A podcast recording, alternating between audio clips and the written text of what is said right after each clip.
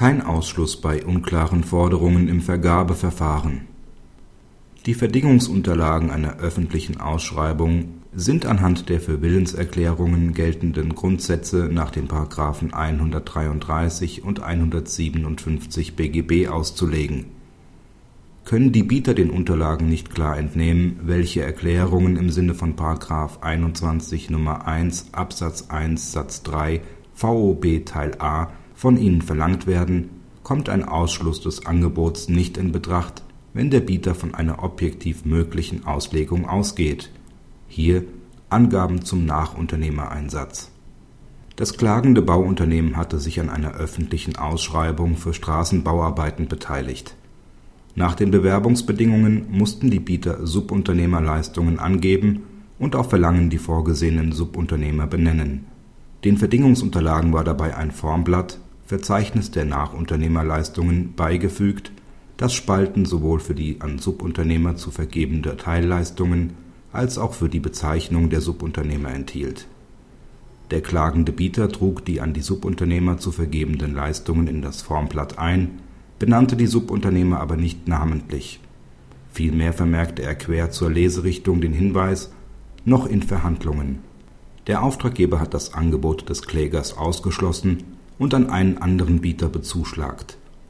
Zur Begründung verweist er auf den Inhalt des Formulars, aus dem klar hervorgehe, dass auch die Namen der beabsichtigten Subunternehmer anzugeben seien.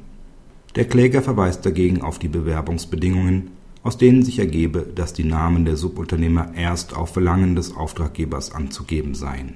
Deshalb, so der Bieter, hätte der Auftrag an ihn erteilt werden müssen. Der Zuschlag an den anderen Bieter war rechtswidrig der Auftraggeber sei daher verpflichtet, Schadensersatz in Form von entgangenem Gewinn zu zahlen. Das Oberlandesgericht hat die Klage abgewiesen und ausgeführt, dass das Angebot des Bieters wegen unvollständiger Angaben im Subunternehmerverzeichnis auszuschließen ist. Der BGH stellt dagegen fest, dass das Angebot des Klägers nicht ausgeschlossen werden darf. Die Verdingungsunterlagen sind mehrdeutig. Bewerbungsbedingungen und Formular widersprechen sich in der Zusammenschau der Verdingungsunterlagen durfte der Kläger allerdings zu dem Ergebnis kommen, dass die vorgesehenen Subunternehmer nicht bereits mit dem Angebot zu benennen sind. Zweifel gehen jedenfalls zulasten des Auftraggebers. Der BGH stellt fest, dass eine vertragsrechtlich versierte Gesamtschau von den Bietern im Vergabewettbewerb weder geleistet noch erwartet werden kann es ist vielmehr Sache des öffentlichen Auftraggebers, auf eine eindeutige und transparente Vorformulierung der von den Bietern verlangten, für die Vergabeentscheidung relevanten Erklärungen zu achten. Der BGH stellt sodann in einem umfangreichen Obiter Dictum fest, dass dieses Auslegungsergebnis den beiderseitigen Interessen entspricht.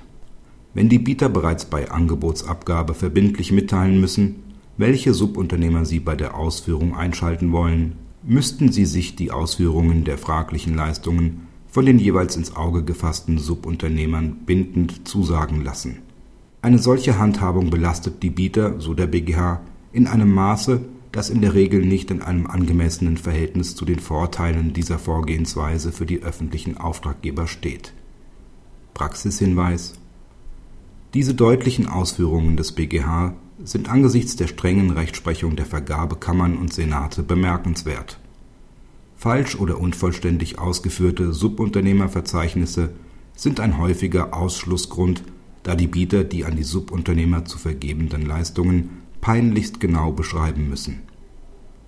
Wird ein Nachunternehmer im Vergabeverfahren insolvent, führt dies zum Ausschluss, ein Wechsel des Nachunternehmers ist nicht möglich selbst zu Subunternehmern der zweiten Stufe (Sub-Subunternehmer) müssen die Bieter nach der vergaberechtlichen Rechtsprechung ungefragt Angaben machen.